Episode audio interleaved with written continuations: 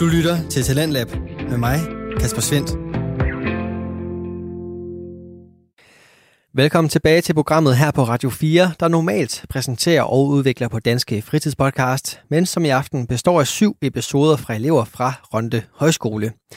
Du kunne før nyhederne høre fire af dem, og derfor der står den sjov nok på de sidste tre, fordelt hen over de næste 55 minutter. Først der skal vi se indad mod vores egne bettingvaner og hvad odds, spilreklamer og tv-penge betyder for den sport, som mange af os elsker at se.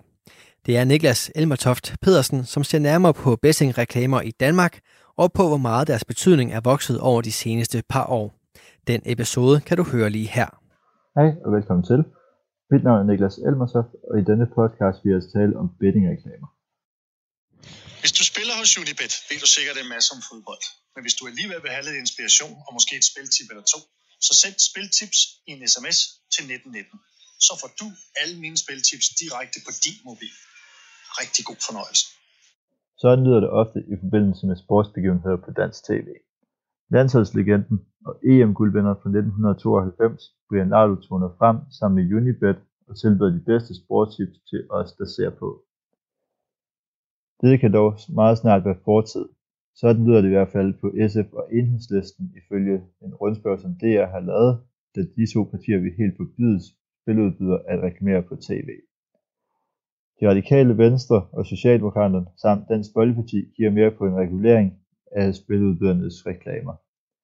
Her tæller vi altså fem partier, hvor fire af partierne hvis Socialdemokraterne er med, er nok til at skabe mere end 90 mandater i Folketing, hvorfor det virker meget sandsynligt, at der vil komme reguleringer inden for spilmarkedet inden for en overskuelig fremtid i Danmark. Tonen er dog anderledes hos de borgerlige partier. Her mener Liberal Alliance, de konservative og nye borgerlige ikke, at der skal laves regulering på spilmarkedet, det er mere, at det er et legalt marked i Danmark.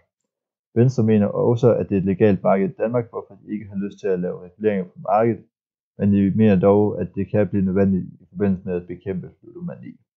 Det er langt fra første gang, at man overvejer at ændre på lovgivningen inden for spiludbyders reklamer. Sidst der blev ændret på lovgivningen inden for reklamer af spiludbydere var i sommers. Her trådte en lov i kraft, der forbød reklamer af spiludbydere og forbrugslån at stå side om side. En lov, der blandt andet betød, at Arbejdernes Landsræk måtte vide deres plads som sponsorer for det danske herrelandshold i fodbold, da de her stod side om side med spiludbyderen og af danske spil på trøjerne. Sponsorkroner som DBU, men også danske sportsklubber, som blev ramt af det samme, vi kunne mærke på spillet. Specielt i et marked, hvor mange af klubberne i dag hænger med det yderste af egne økonomisk for at undgå konkurs. Derfor skal man også det med i ligningen, når man ændrer på lovgivningen for spiludbyderes reklamer, at det kan koste konkurser for danske eliteklubber, hvis man regulerer på markedet, hvorfor det kan ende med at koste på dansk kulturliv. Et eksempel på dette kunne være Aalborgs fodboldklub AB. Her har de allerede haft samme problem som DBU havde med Arbejdernes Landsbank og også efter den nye lov trådte i kraft i sommer. OB har Spar Bank som hovedsponsor, hvorfor Spar Bank naturligvis står på fronten af trøjen. OB havde i starten af efteråret også spiludbyderen Mr. Green som mindre sponsor, der stod på bagsiden af trøjen. Det resulterede dog i, at OB blev politianmeldt, hvorfor spillebyderen Mr. Green endte med at stoppe som trøjesponsor. Kigger man på OB's regnskab, så kunne de dog meget godt bruge disse penge. OB havde i slutningen af 2019 regnskabet en egenkapital på 56 millioner danske kroner. For to år siden, i slutningen af 2017 regnskabet, var denne egenkapital på 112 millioner danske kroner betaler altså en halvering af klubbens egenkapital på to år. I kontrast til dette så er klubbens årlige omsætning på kun 60 millioner kroner, altså lige lidt over hvad klubbens egenkapital er på i dag. Fortsætter klubben med samme stil med at køre med underskud på omkring 25 millioner kroner årligt, så vil klubbens egenkapital inden for de næste tre år ende med at gå i nul.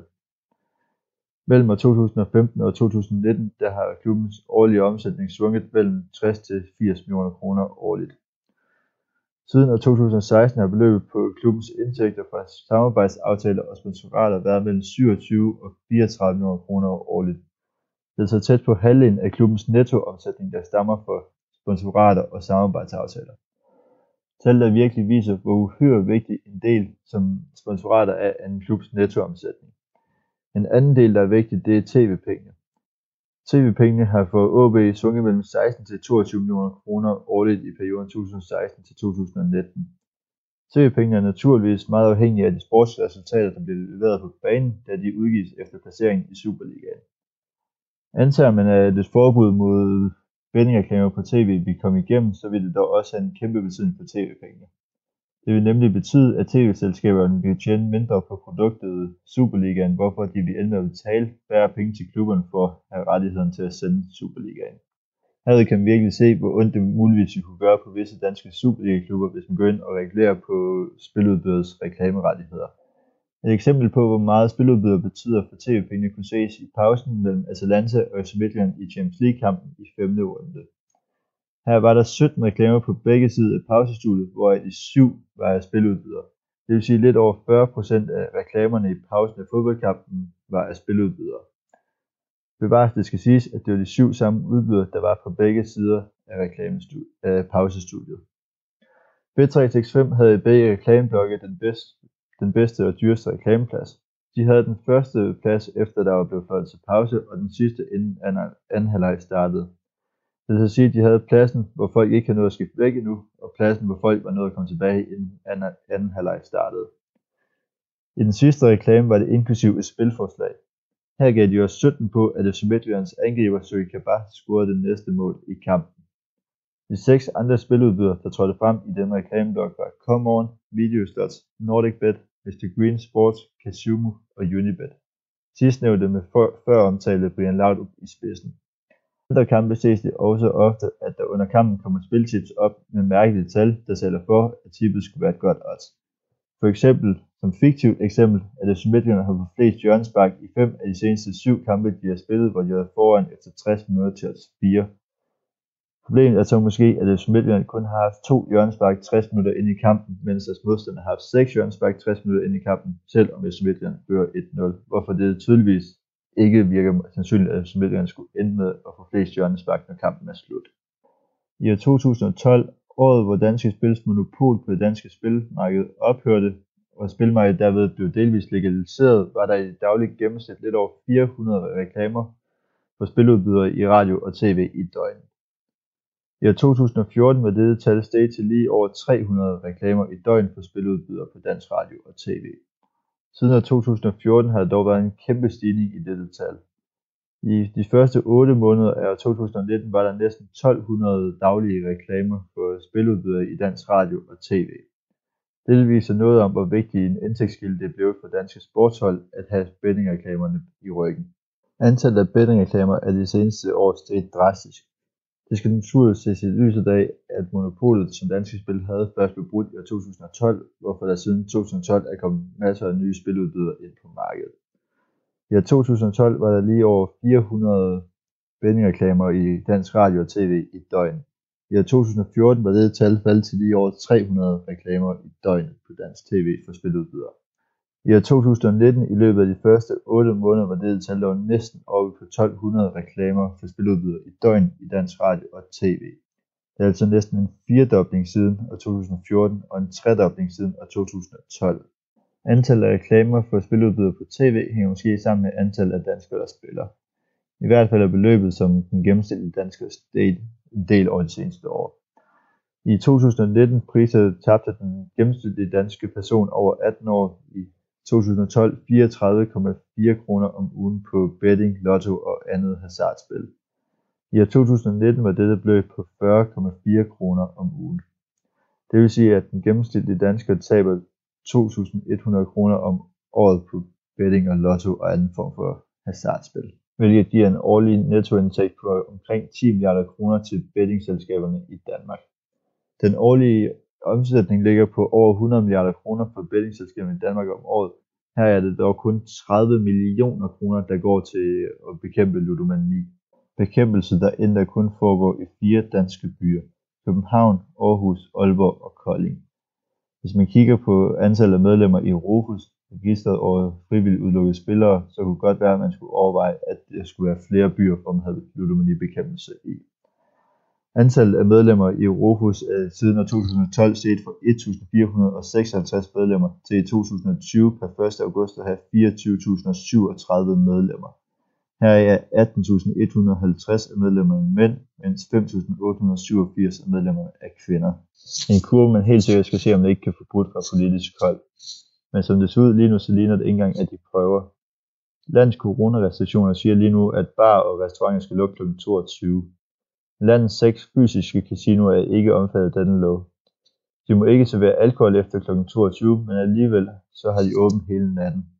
Et attraktivt tilbud til unge mennesker, hvis alternativet er at gå hjem i seng, eller måske gå hjem til en kammerat og fortsætte festen der. Derfor burde man fra politisk hold måske overveje, hvorfor der er en stor stigning i antallet af mennesker i Danmark, der har ludomani.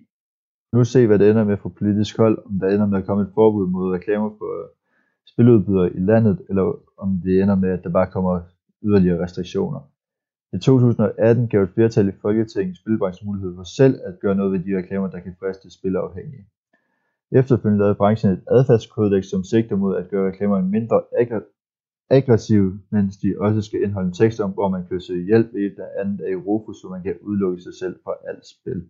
Nu er så spørgsmålet, om regeringen mener, at dette adfærdskodex er nok, eller man fra politisk hold decideret går ind og ændrer på lovgivningen for reklamemuligheder for spiludbydere i Danmark. Med det så vil jeg gerne takke af herfra af, og sige tak fordi du lyttede med, og så håber jeg, du kan fortsat god dag. Du lytter til Talentlab med mig, Kasper Svendt. Og så kom vi i gang med denne times podcast episoder fra Ronde Højskoles podcast Elever. Her var det Niklas Elmertoft Pedersen, som så på bettingreklamer i Danmark og deres betydning for økonomien i de danske sportsgrene. Og det er ikke fordi, jeg står her og får dårlig samvittighed eller føler mig skyldig over at have tilføjet penge ind i hele det univers af hasardspil. Men jeg ser der tilbage på den uskyldighed og naive tilgang, jeg har haft til både odds, lotto og lignende, og vil nok tænke mig en ekstra gang om, før jeg igen bruger yderligere penge på den branche, som er skabt for lykkeridere, men som sjældent ender lykkelig. Vi skal nu videre i aftens program, og det skal vi med den episode, der er alle aftens afsnit, minder mest omkring det, du normalt kan høre her i programmet. For vi præsenterer et væld af danske fritidspodcast, og en overvægt af dem byder på to unge mænd, der taler sammen omkring et relevant emne, der ofte fylder meget i nutidens samfund. Det samme gør nemlig Silas Steiner og Oscar Abelgaard Olesen i den næste podcast episode fra Ronde Højskole, som står for at fylde aftenens talentlab ud med deres podcast produktioner. Silas og Oscar taler i denne episode omkring krænkelser og om, hvordan de både udvikler sig og bliver opfattet af de to værter. Hør med og få den indsigt lige her. Har du nogensinde været i en situation, hvor du har været bange for at formulere dig forkert, bange for at kunne støde nogen, og uhensigtsmæssigt virke krænkende? Det har vi. Og det er jo godt, at man altid tænker sig om, men en gang imellem er det også svært. For jo mere du tænker, desto sværere kan det sommetider være. Vores nysgerrighed har nu sat os for at tage en snak om henholdsvis race, køns og identitetskrænkende ord, betydninger og som situationer, vi nu engang alle går og tænker på. Vores undren og fascination får os, for os netop til at tage disse problemstillinger op, for bedre at kunne sætte os i andre menneskers sted. Velkommen til Hvor går grænsen? Det første, jeg gerne vil snakke om, det er, øhm, om man egentlig skal censurere alle race, køns og identitetskrænkende ord i for eksempel bøger, på film og, og også andre steder. Altså helt generelt, både i de, i de fremtidige bøger øh, og film, øh, samt også det at, at rette i de tidligere. Og ja. Altså egentlig ikke, vil jeg mene. Øh, dog kunne man godt tænke over, hvad det var for nogle ord, man valgte at bruge. Og se på, om de kunne erstattes af nogle andre ord af samme betydning. Øh, selvfølgelig giver det i nogen sammenhæng mening, øh, hvis man for eksempel vælger at lave en, øh, en film om apartheid. Mm. Et, et eksempel her kunne være Vejen til frihed, som handler om Nils, øh, Nelson Mandela. Ja, ja. Øh, for ligesom at skildre, øh, hvordan det var i samtiden, i den, i den samtid, øh, med et racistisk udtryk, og hvordan det var at leve under. Mm. Så selvfølgelig giver det jo god mening i sådan en film. Men øh, jeg faldt også over en anden film, som jeg så her forleden, øh, som hedder Af banen. Ja, jeg kender godt, ja. Ja, præcis. God film. God film. Og det er en, øh, det er en dansk film fra 2005, øh, som handler om fodbold. Øh, nærmere tegnet videre over fodbold. Øh, videre, videre fodboldklub. Øh, hvor ordet bøsserov, øh, bøsserov øh, bliver brugt. Og det bliver brugt som et skældsord. Mm. Og, øh, og i den her sammenhæng, der menes det jo egentlig blot, at øh, man synes, at, at den anden person er en idiot. Ja, præcis. Øhm, men da filmen blev lavet, så var det, så var det ikke så var det ikke det, der var intentionen, var ligesom, det var ikke intentionen at krænke homoseksuelle overhovedet. Mm. Øhm, jeg tror så blot, at ordet havde en helt anden betydning dengang, end hvad det for eksempel har nu. Øhm, kvæg af det samfund, som vi lever i, Mm. øh, og hvor at man er mere oplyst omkring homoseksualitet. Ja, tiden har ligesom rykket sig. Ja, Enormt bestemt. meget. Bestemt. Øhm, og ikke dermed sagt, at jeg kan sagtens forstå, at hvis man som homoseksuel har set den film, at man så har følt sig stødt, da ordet i den sammenhæng bliver associeret med at være en nar eller en idiot. Så derfor, så derfor kan, man, kan man sige, i sådan nogle film der, der er det jo, der er det jo vel at mærke op til diskussion om, om hvorvidt at det skulle censureres, fordi jeg kan jo egentlig godt forstå dem, som, som føler sig krænket af det. Mm. Fordi det, fordi det bliver jo associeret med noget, med noget helt andet. Ja. Øhm, og det er jo et, et skældsord i den sammenhæng. Ja. Men egentlig ordet at være bøsse. Men det jo er, det er ikke ment som på den måde, Nej, nej, som, præcis. som man siger det. Præcis, og det var også der, det er vigtigt ligesom at, ligesom at, at Ja, skelne. imellem. Ja, præcis, at skelne imellem det. Helt sikkert. Mm. Ja, det kan selvfølgelig være svært. Øhm, man, man skal heller ikke gå ind og, og omskrive historien, nej. Øh, for, for den er også ligesom med til at identificere, hvor vi i dag er, og for at fortælle, hvad vi har været igennem. Og nu bruger jeg så øh, selvfølgelig udtrykket vi, men det er simpelthen bare for at give et, et, et mangfoldigt billede på, hvor man i fællesskab har, har drevet verden til, øh, hvor den er i dag. Mm. Øh, men fremtidsmæssigt, så, så mener jeg helt sikkert også, at, øh, at man bør overveje, hvordan man, man blandt andet øh, benytter sprogbrugen, og ikke kun i film og i bøger, men også øh, i, i generelt. Mm. Øhm, men vil du ikke prøve at, at fortælle mig, eller i hvert fald uddybe, hvad du mener med det her med, at, at det i nogen sammenhæng øh, giver mening? Jo, som sagt, øh, som jeg også lidt var inde på før, at hvis man skal portrættere en gruppe mennesker, som gjorde nogle forfærdelige ting øh, mod andre på baggrund af deres hudfarve, eller etnicitet, eller seksualitet for den sags skyld, øh, er målet ligesom for filmproducenten, det er jo at sætte publikum i offerets sted. Øh, og det bliver man jo også i Vejen til Frihed, Nelson Mandela-filmen. Mm.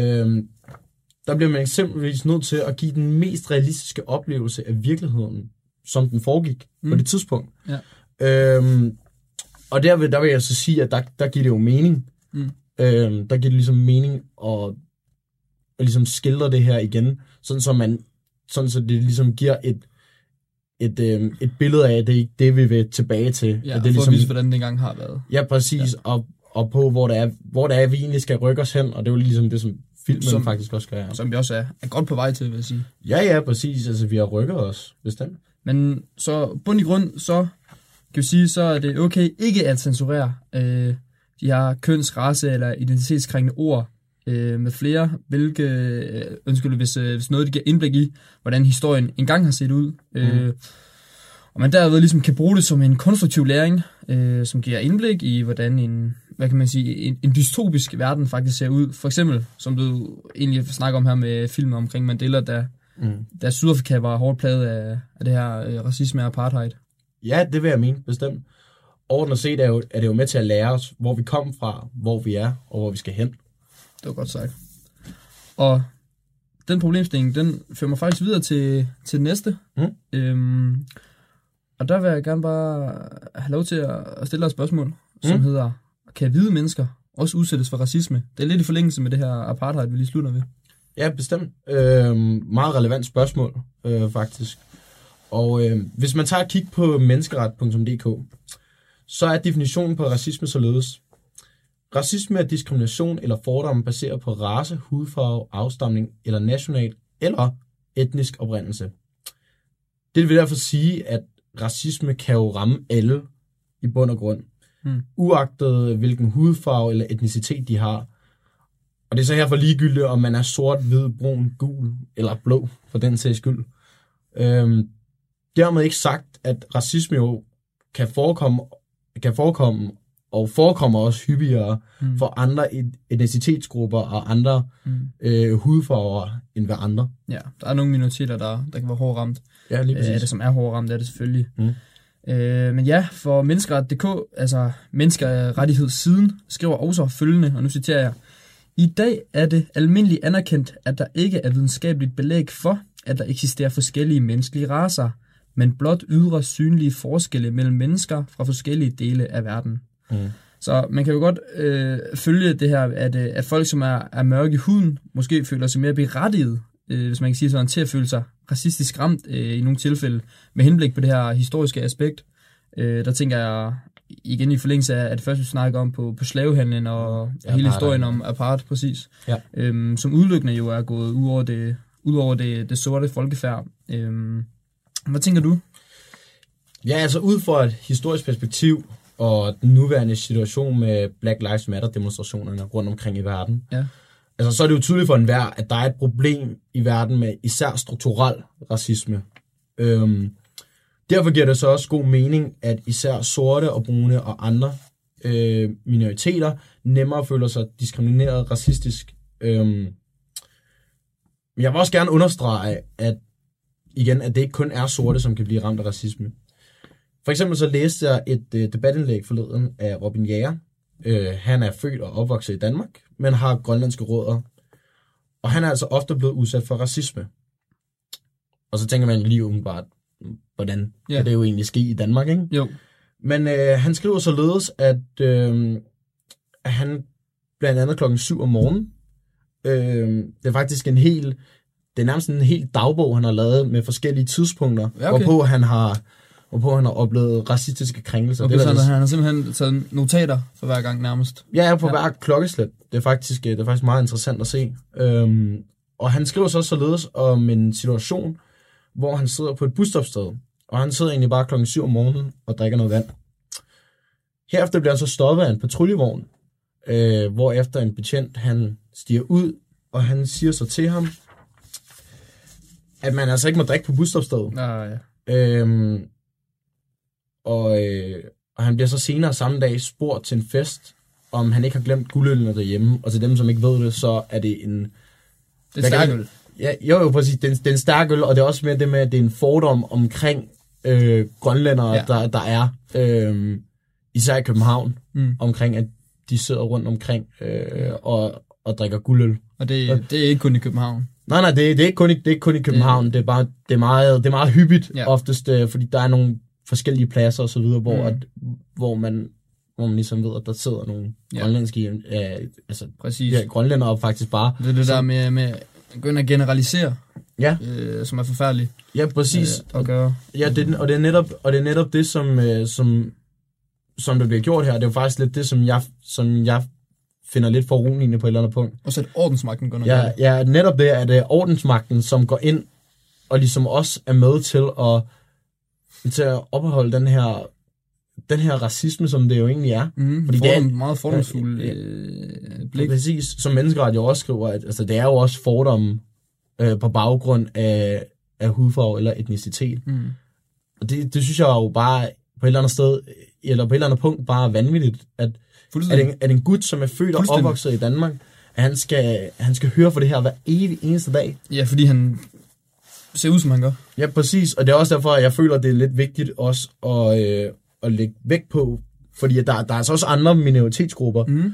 end, end hvad man lige tænker, fordi at nu har man Black Lives Matter... hører om, ikke? Ja, præcis. Nu er det jo Black Lives Matter, der, der, altså, der er det store Ja, ja, præcis. Øh, medie, øh, der har mest medielyd. Jamen, lige nu. præcis. Og det er selvfølgelig også super rettet og super godt. Jamen, det er det, og det er jo ligesom, man kan også lidt, hvis man skulle perspektivere det til noget andet, så er det jo også, for eksempel hver gang du hører om kriminalitet i et socialt udsat boligområde, så er det jo altid indvandrerbander, du hører om. Men du hører jo nærmest aldrig om det kriminalitet, en, en lad os sige, helt, en helt almindelig etnisk dansker, Mm. mm. dansker har, har gjort, ikke? Jo. Så det, det er lidt, det, det, det er på en måde lidt det samme, egentlig bare sådan, sådan, jeg ved ikke, om man kan sige omvendt, men, men med et helt andet perspektiv også. Jo. Med nogle andre minoriteter, som vi faktisk også glemmer. Præcis. Præcis. Mm. Ja. Men øh, selvom vi i Danmark har taget mange skridt Mm. for at udrydde racismen, så, øh, så er vi jo stadig langt fra i mål. Ja. Og derfor så kommer vi også nogle gange til at glemme, at der også er præcis af de her andre minoriteter, Mm. øh, som dagligt udsættes for, for racismen. Mm. Og som du så selv øh, fint øh, pointerer, øh, så eksisterer den, den der stadigvæk rundt omkring. Og Lige til det, præcis. så er, jeg, så er jeg nysgerrig for at høre, om der reelt set er forskel på, om en mørk person kalder en hvid for for eksempel blegfis, Mm. eller omvendt, om en hvid person kalder en mørkhudet person for, ja, for næger. Mm. Øh, er det en, egentlig mere okay end det andet baggrund af, af historien inden for den her race diskrimination? For vi ved jo, at det, det sorte mindretal netop er gået igennem så, så meget forfærdeligt igennem tiden. Ja, altså det er faktisk virkelig interessant, du, du vælger at bringe det her eksempel.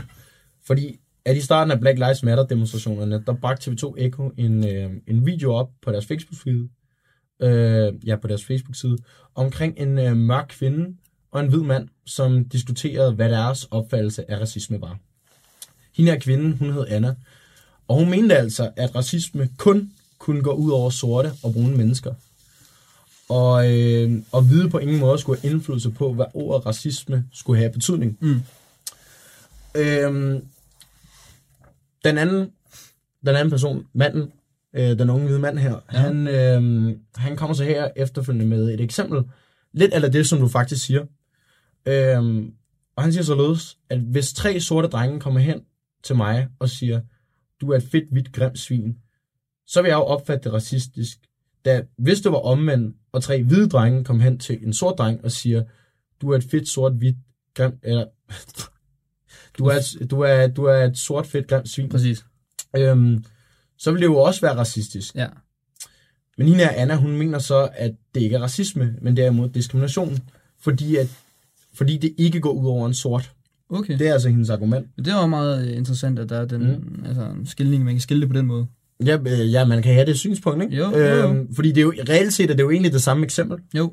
Øhm, så på baggrund af gerningsmændene og offers hudfarve, så er det ifølge hende det, som definerer racisme. Mm. For at være ærlig, så synes jeg jo næsten selv, at det, det ligger sig jo lidt op af racisme, hende, hendes pointe. Øhm, fordi at det kan godt være, at, sådan, at man som hvid ikke vil tage det lige så, lige så, lige så personligt til Det sig. er lige så nært på grund af historien netop. Ja, netop på grund af historien, ikke? Og det er jo, sådan, og det er jo selvfølgelig ikke der, hvor... Altså sådan, Nej, nej, det retfærdiggør jo ikke noget. nej, nej, det, nej, nej, præcis. Det er jo ikke... Det, er ikke, det retfærdiggør jo ingenting. Øh, fordi en, ud fra hendes pointe, så er en diskrimination, det er jo, det er jo heller ikke okay jo. Mm-mm. Altså på ingen måde. Det siger hun så godt nok også, at, sådan, at diskrimination, det er, jo, det er jo heller ikke på nogen måde okay. selvfølgelig. Men, men stadigvæk, jeg, jeg, føler, jeg føler alligevel lidt, at, sådan, at hvis der skal være forskel på, hvornår den ene kan føle sig for, hvornår den ene etnicitetsgruppe kan føle sig mere forulemmet end en anden, Mm. så føler jeg, at, sådan, at så bliver der jo gjort forskel på det. Og Ja. jeg tænker, at det, som vi jo reelt set alle sammen gerne vil, det er, at vi vil gerne sammen leve i en verden, hvor, hvorpå vi, eller hvor i vi alle er lige. Ja, selvfølgelig. Og, og så, på, så på den måde, så, så føler jeg ligesom også, at det, det er jo lidt at sætte, sætte, sætte, sådan, sætte folk i forskellige kategorier. Ja. Og sådan, og hvornår er noget okay, hvornår er noget ikke okay, på baggrund af folks, øh, på baggrund af folks hudfarve. Ja. Og det synes jeg, det synes jeg er lidt, det synes jeg er lidt foruroligende, men, men altså, men selvfølgelig, ja, på en måde kan jeg jo også godt forstå, at hun, hun har den holdning, fordi at, som du også selv siger, historien, Historien. historien, Så det, man kan jo sagtens følge det. Man kan sagtens følge hendes holdning. Ja, ja, snilt. Altså, altså snilt. Øhm, man kan jo sagtens forstå det, fordi det er jo bare sådan, at det, det Mm. oftest er Ja. den vej rundt, ikke? Mm. Det er, bare, det er bare virkelig ærgerligt, at det er sådan. Altså sådan Det er jo det, der er så spændende ved det, for du kan se det fra, fra begge personers synspunkter, ikke? Mm. Øhm, der er jo ikke noget, der er mere rigtigt øh, end det andet. Nej, Øh, Det overhovedet er derfor, det er så spændende. Ja, præcis. Øhm, så ja, det, det gælder jo ligesom meget om, at vi kan, at hvis vi skal ændre verden, så skal vi jo have henblik, henblik på, hvordan vi kan gøre den fælles for os alle sammen. Mm. Og finde en verden, hvor vi alle sammen kan leve under de samme vilkår. Præcis. Og så for at lige runde af på den her racisme. Det er bare noget lort, Ja. og det skal udryddes. ja. Hurtigst muligt. Og som, ja, som Kasper Christensen, øh, han siger øh, om Bo i Kloven, The Movie, da de skal på kanetur, siger vi nu det samme om racismen. Du kommer ikke Kom med. Du kommer bare ikke Du, med. du, du kommer bare ikke med. Du kommer ikke med. Sådan, sådan det. Nej, det er, racisme, det er sørgeligt emne. Radio 4 taler med Danmark. Du er tunet ind på programmet Talentlab her på Radio 4, som i aften består af podcast-episoder fra Ronde Højskole. Vi er i gang med aftens 6. og næstsidste afsnit, og det kommer fra Silas Steiner og Oscar Abelgaard Olesen, der har lavet en episode omkring krænkelser og de to værters oplevelse af at leve i et samfund, som for tiden får mere og mere fokus på personers forskelligheder, og hvordan og om vi skal inkludere alle lige meget og på samme måde. Hør med videre her. Men, øh, men nu skal vi faktisk videre i teksten for at snakke om noget, om noget lidt andet. Vi er stadig henne i noget øh, diskrimination, men nu skal vi videre. Ja. Og det, jeg gerne vil snakke om, det er øh, faktisk på baggrund af Sine Moldes øh, forholdsvis nye satireprogram Mhm. mm. omkring diverse nye køn i samfundet.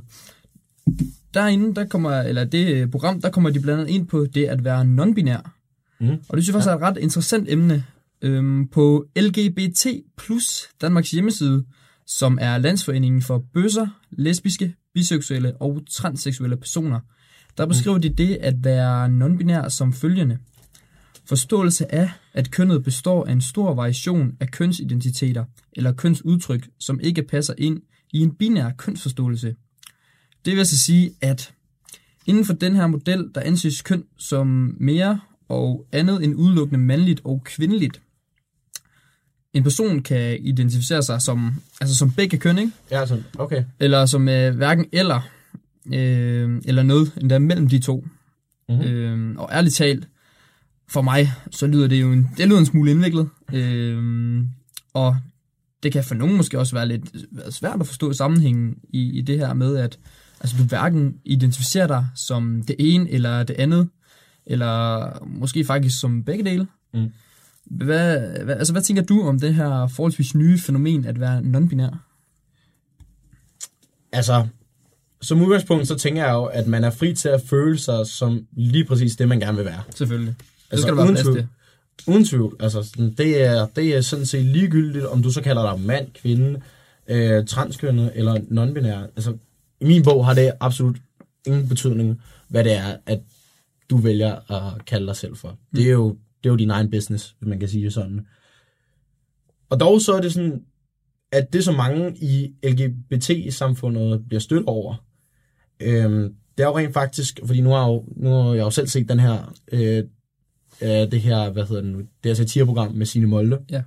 Og, øhm, og det, som de bliver stødt over, det er, at hvis man tiltaler folk med de forkerte pronomer, altså forkerte stedord, Ja. det er sådan noget som han, hun, den, det, så videre, ikke? Jo.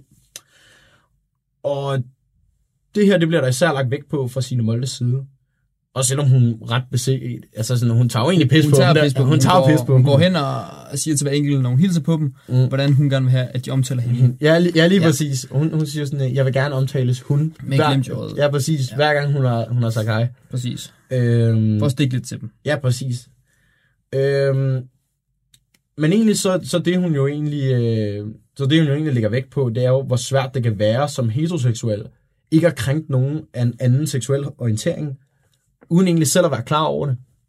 Men man kan jo også vende den om, og så spørge sig selv, om det her, um, det kan skabe nogle problematikker. Altså, at folk så vælger at være non-binære. Altså, selvfølgelig, jeg er ikke nogen ekspert på området, men jeg kunne faktisk være meget interesseret i at vide, om, øh, om hvis man er non-binær, Ja. bare for at komme med et eksempel, øh, hvilket slags toilet man tager i det offentlige rum, om det er herre- eller dametoilettet, eller for den sags skyld i svømmehallen, om man tager herre- Ja, eller og, det, damer. og det kan jo lyde sådan lidt, lidt åndssvagt, men, ja. men hvis man sådan tænker over det, Mm. det er jo egentlig et godt spørgsmål. Ja. For, altså, hvad, hvad fanden vil de vil? Ja, ja, præcis. Hvad, hvad vil man vil? Og kan man skifte fra den ene dag til den anden? Kan man være sådan der, okay, i dag føler jeg mig lidt mere som en mand, Mm. men i morgen, der tror jeg egentlig helst, jeg vil, jeg vil være kvinde. Mm. Det, er egentlig, det er egentlig meget interessant, og det er faktisk, jeg er, egentlig- jeg er egentlig faktisk lidt ærgerlig over, at jeg ikke har haft muligheden for at spørge en person, som vil identificere sig selv som non-binær, Ja. omkring det her.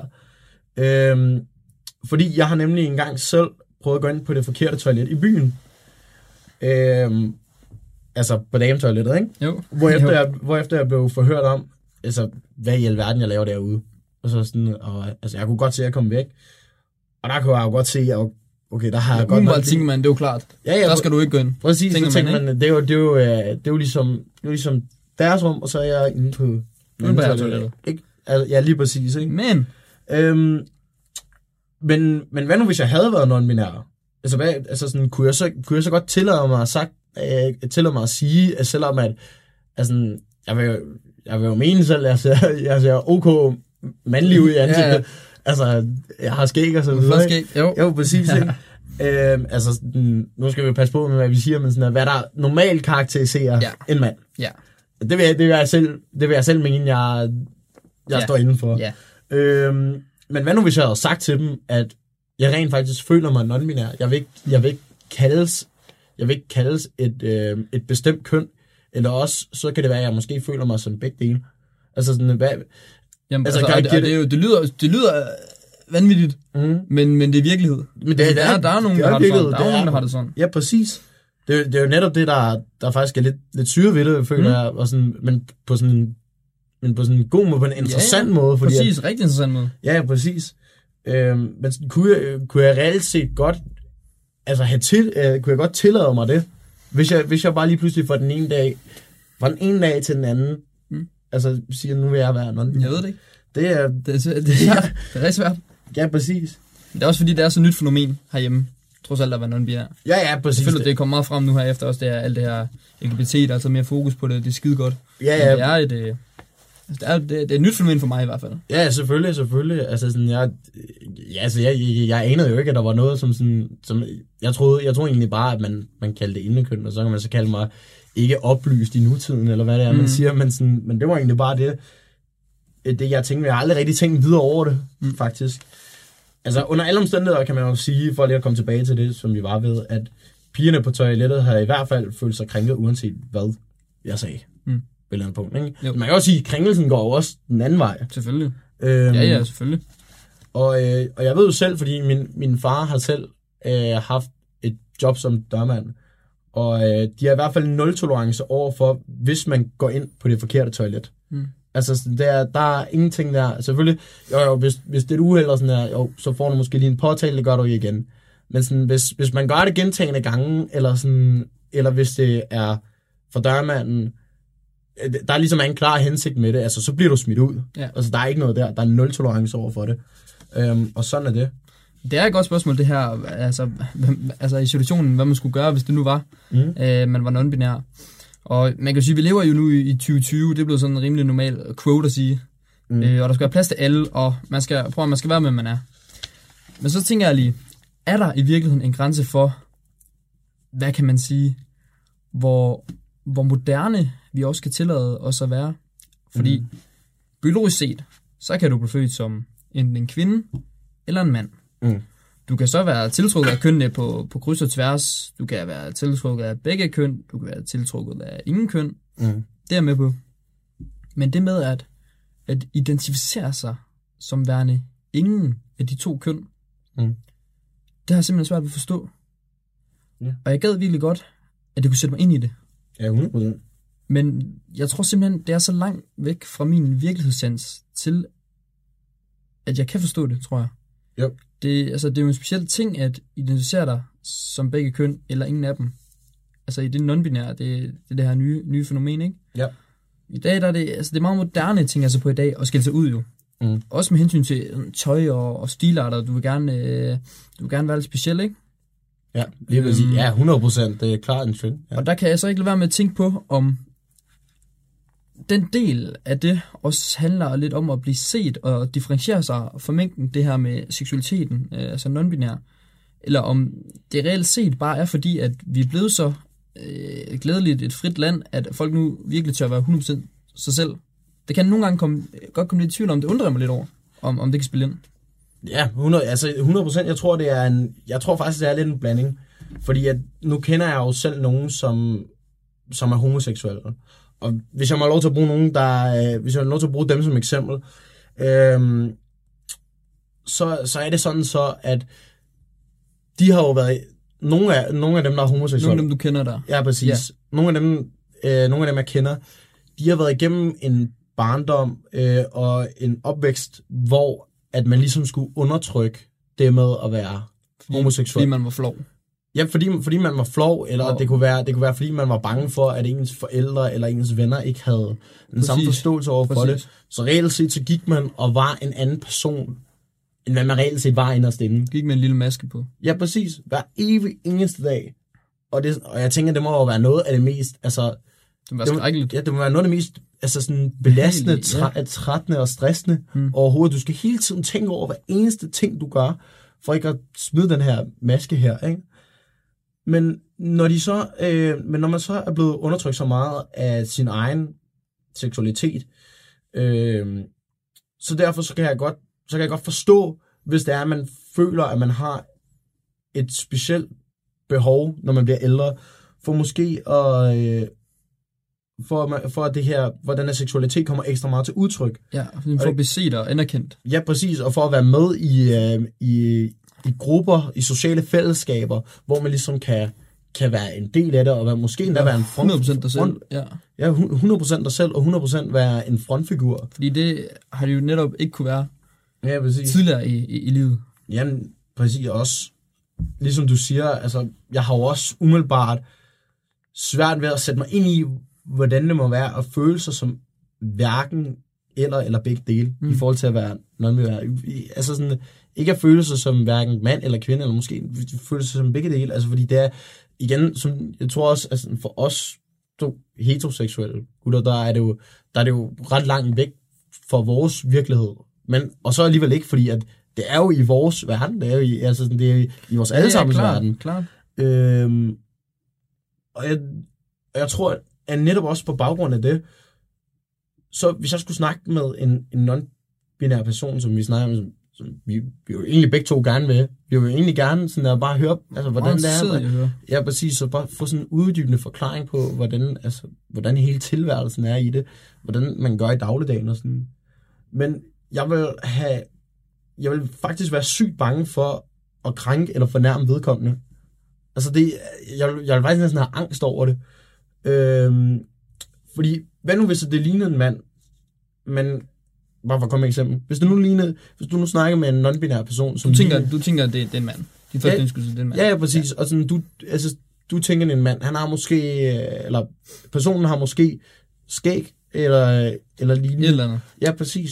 Og han, øh, ja, nu kommer jeg så til at kalde mand, men, Ja, præcis, der kan du ja, præcis, se, der, hvor- der, kommer man jo Det kan, være, til. det kan være ret Og det er jo uden at tænke over det. Det er jo ikke med nogen ond intention eller ikke. noget. Overhovedet ikke. Og det er altså sådan, og jeg ved ikke, om det er bare fordi, at det, som du også selv siger, det er et forholdsvis nyt fænomen, at man sådan der...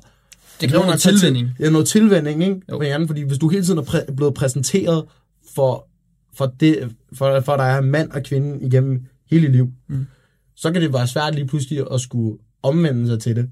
Altså, og igen, jeg, jeg tror, jeg vil, og det ved jeg også, hvad jeg lige har, har sagt det, jeg lige har tiltalt vedkommende ved forkert pronome. Mm. Altså, jeg vil, jeg vil være så bange for at fornærme, Ja. jeg vil, fornærme den her person, fordi at, at sådan, det, er jo, det er jo det sidste, man, man ønsker, og især også, fordi man kan jo også godt forstå, at hvis det er noget, de har undertrykt igennem, Præcis. under, har fået undertrykt igennem hele deres liv, hele deres opvækst, og sådan, og at det så instantly skaber nogle, nogle, Det skaber- dår, nogle dårlige minder, sådan at det, det, Altså, Lige. Ja, ja, præcis. Det, og jeg tror også faktisk, at der er rigtig mange, der har det på den måde. Rigtig mange, og rigtig mange heteroseksuelle har det på den måde. Mm. Øhm, som måske ikke har, som måske ligesom, ligesom jeg, tænker også ligesom du har, måske ikke er blevet præsenteret for det samme igennem deres opvækst. Jeg tror, du, man skal være sådan lidt mere, lidt mere loose i forhold til ikke at tænke over det, være lidt mere afslappet, og så kommer du til at, at sige noget forkert, altså øh, kalde personen noget forkert, Mm. så bare være sådan lidt, oh, fuck det, undskyld. Og så skal den person også, altså den non-binære person i det her tilfælde, være sådan lidt, det er i orden. Så ligesom der er skabt sådan en, det er okay, altså så ligesom skabt sådan en symbiose omkring, at der er ikke nogen, der, altså, der gør noget af, af ond mening. Jo, præcis. Jo, jeg er helt enig. Jeg kan så også sagtens forstå, at hvis man som non-binær person skal altså, snakke med 30 forskellige mennesker i løbet af dagen, og man måske skal forklare det til 20 af dem igen, altså, så kan jeg også godt forstå, at så bliver det bare 13 i længden. Ja, så bliver det en lang Og- aften. Og det er, jo, det, er jo- det er jo enormt svært, og det kræver jo egentlig en, en indsats fra begge sider, og en... Fordi det jo også enormt svært at skulle lægge låg på sig selv, og hele tiden tænke over ting, fordi så, så, så kører samtalen bare ikke lige så glidende, Nej. hvis man kan sige det sådan. Det Øhm, men ja, det, ja, selvfølgelig så, så kvæg af, at det er her, så burde man jo tænke mere over det. Altså, det, det, vil, det vil jeg i hvert fald gøre, altså fremover. Øh, altså, Det vil jeg helt sikkert også nu, efter man ligesom har fået lidt øjnene mere op for det. ja, Øhm, at, det, at, det, at det betyder meget, og, og, og det kan skade ikke, og Ja. ja. ikke tænker sig om. 100 procent. 100 Og det er det, der er så svært ved, vil snakke om, øh, om raser og om køn. Og det er derfor, jeg synes, det er, så, det er så fint at tage fat i de her forskellige problemstillinger, og at man, man giver sig tid til at snakke om det. Altså det med, at der, der hverken er forkert, eller der hverken er rigtigt. Selvom folk øh, kan have egen holdninger til, hvornår noget det kan blive enten for meget eller for syret, og hvornår der bare er noget, der lige præcis rammer plet på ens øh, subjektive synspunkter. Og det er jo netop, altså det er jo netop nysgerrigheden og den der undren, man sidder med, øh, som er en drivkraft, øh, for at diskutere frem og tilbage om de her så, så ømme emner. Og det er virkelig en uendelig lang samtale, man kan have om de her ting, og ja, det, det er da egentlig fedt. Ja, synes, 100 det er så procent. Det, fedt. det er kæmpe fedt. Ja. Og at folk de er nysgerrige nok til at, til at forsøge at, at forstå, hvor går grænsen. ja, lige præcis. Og så til sidst, så skal jeg simpelthen lige høre dig. Har du været lidt bange for at sige noget, som har kunne virke stødende, eller opfattet som værende krænkende Ja, har du? et par gange? Du lytter til Radio 4. Om du også sidder derude med en undren og en nysgerrighed, jamen så er du faktisk den perfekte lytter til dette program, hvor vi byder på nye stemmer, fortællinger og holdninger, alt sammen leveret igennem podcast-afsnit fra dine medmennesker. Og i aften, der er alle de podcast-episoder lavet af elever fra Ronde Højskole. Her der var det Silas Steiner og Oscar Abelgaard Olesen, som talte omkring krænkelser, og det var aftens 6. og næst sidste podcast-afsnit. Det sidste, jeg har klar til dig, dykker ned i den danske frihed, som ikke udelukkende er en god ting. For Gustav Bukke undersøger den mørke side af fri porno, en historisk frihed, som vi ellers er ret gode til at blære os med, men som altså også medførte udfordringer og skumle sider af menneskets lyster. Præcis hvordan det skete, hvordan de lyster kom frem, og hvordan de blev løst, kan du høre om lige her.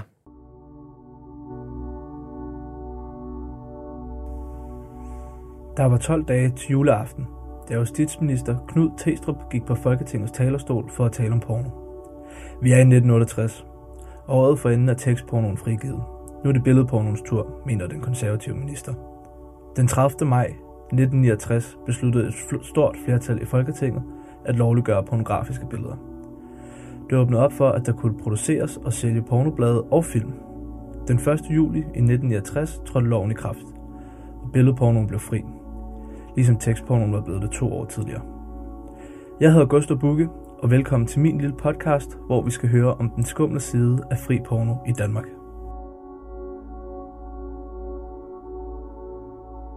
Men ministerens partifælle Ellen Strange Petersen er skeptisk.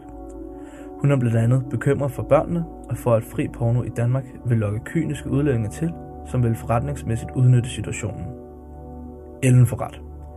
Da 125 af Folketingets medlemmer godt et halvt år senere stemmer for at frigive pornoen, får det en stra- tragisk konsekvens. I 11 år bliver Danmark en central distributør af børneporno. For at kunne forstå, hvordan det kan lade sig gøre, skal vi spole tiden tilbage til et årti, hvor forbud er et fyrår, og hippier og tidens strømninger trækker samfundet i en retning mod så få forbud som muligt. Herunder forbud mod pornografiske billeder, i løbet af to år bliver det både lovligt at producere, købe og sælge pornografisk materiale i både tekst- og billedform. Uden en ordentlig lovforberedelse tillader man, at alle mennesker kan være modeller for porno. Det er lovsjusk, og man glemmer at beskytte børnene mod overgreb for voksne. Man skal forstå, det er stadig forbudt at have sex med børn under den kriminelle lavalder. Så derfor er ikke lovligt selv at producere børneporno. Men i perioden 1969 til 1980 er det altså lovligt at både købe, klippe, sælge og besidde materiale. Og det er der altså nogen, der udnytter. En af dem er Willy Strauss. Han er entreprenør og begynder i midten af 1960'erne at sælge dildoer i Danmark. Eller stav massageapparater, som det hed dengang.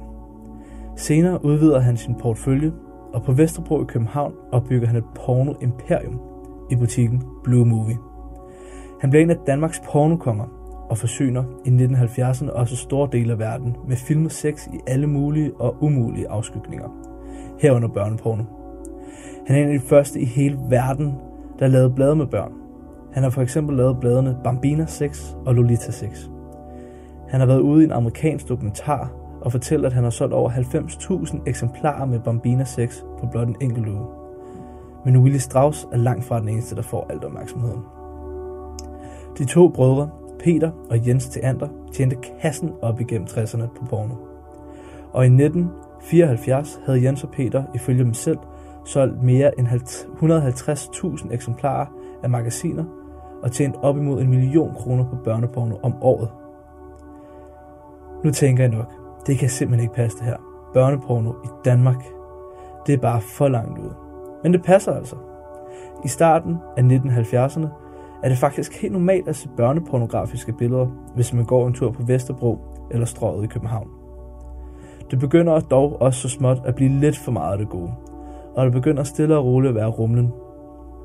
Og det skal altså skærpes det her. Den rumlen betyder i første omgang, at sælgerne bruger andre kanaler til at promovere deres film og blade, blandt andet annoncer ekstra ekstrabladet. Børnepornoen er altså stadig helt frit tilgængelig. Det bliver tydeligt i 1984, hvor Danmarks statsminister, Paul Schulter, modtager et åbent brev fra en række amerikanske senatorer, hvor de gør opmærksom på, at 85% af al den børneporno, der bliver konfiskeret i staterne, kommer fra Holland eller Danmark. Der er altså ikke nogen børnepornoproducenter, der bliver dømt i den her tid. De bliver altså ikke dømt for at udnytte børn under 15 år, bare fordi de har misbrugt et af de huller, som er i den danske lovgivning, som gør det lovligt at købe, sælge, klippe og besidde børneporno. Men hvorfor tog det så 11 år fra fri porno til at børneporno lige pludselig blev lovligt?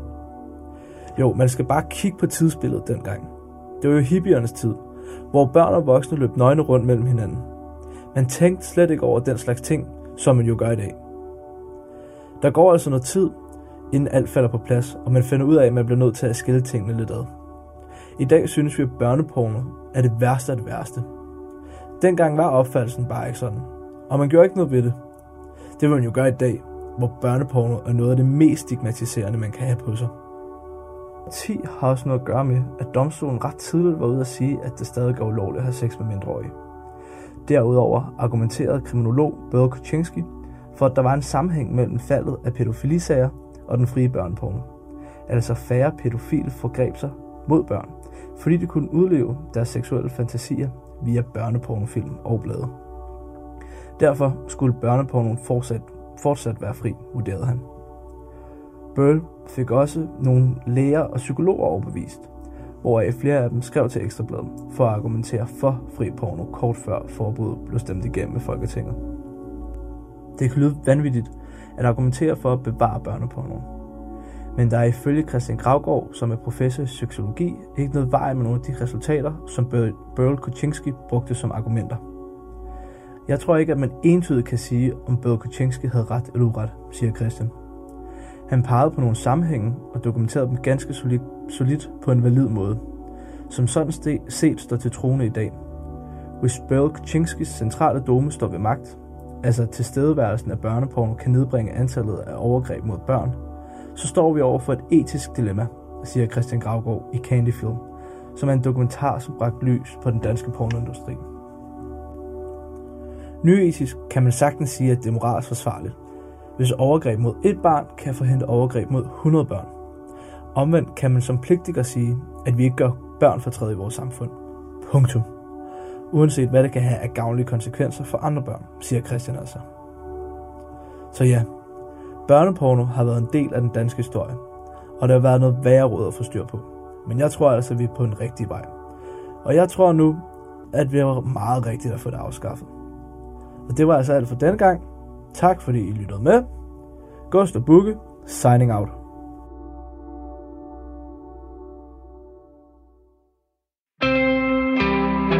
Du lytter til Talentlab med mig, Kasper Svendt. Og sådan endte vi aftenens program med en ellers ikke alt for glædelig fortælling omkring den mørke side af fri porno. Det var aftens sidste podcast episode, både for denne omgang og fra Ronde Højskoles elever.